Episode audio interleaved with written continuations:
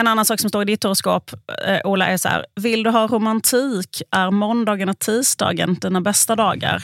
Helgen kan bli bra, men då krävs det att du planerar något extra och har tid till det. Mm. Alltså du kan få romantik i helgen, Mm. men då krävs det att du liksom eh, har tid för det första. På måndag och tisdag behöver jag inte ha tid. Det är de bästa dagarna. Men, men det kan bli bra i helgen om du planerar något. Mm. Mm. Ja, det, ja, just det. Ja, men det- det, det, det- det håller det öppet också då.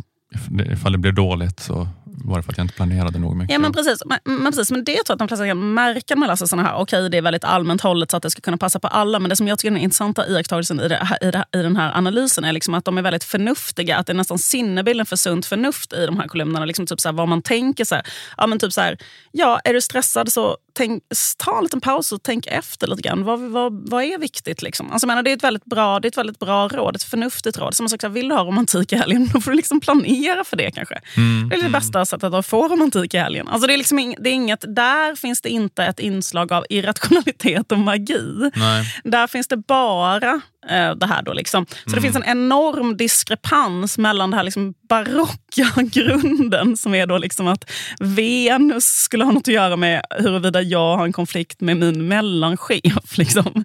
Eller liksom påverkas av specifika så här, jordvarelsers liksom, utsikter för att ha en romantisk helg.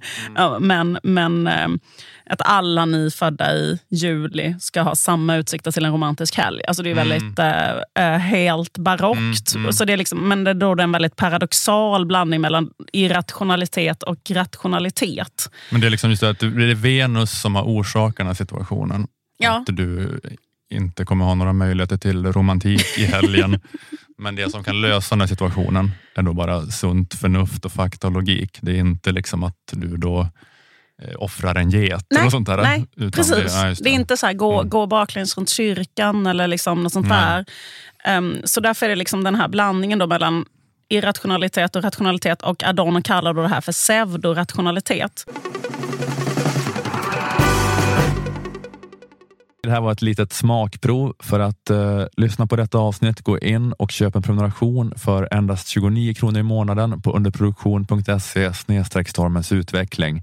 På underproduktion finns också info om hur du gör för att lägga in prenumerationsfiden av Stormens utveckling i din poddapp, eh, vilket är att eh, föredra för smidigt lyssnande. Och när du har gjort det så behöver du då inte den här gratisfiden som du är i nu eh, eftersom att även gratisavsnitten dyker upp i prenumerantfiden.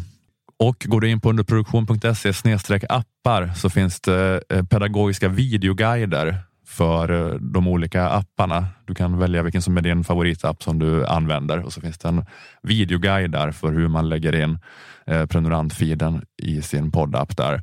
Och eh, får man ändå inte rätt på det så kan man alltid mejla till support underproduktion.se för snabbt svar.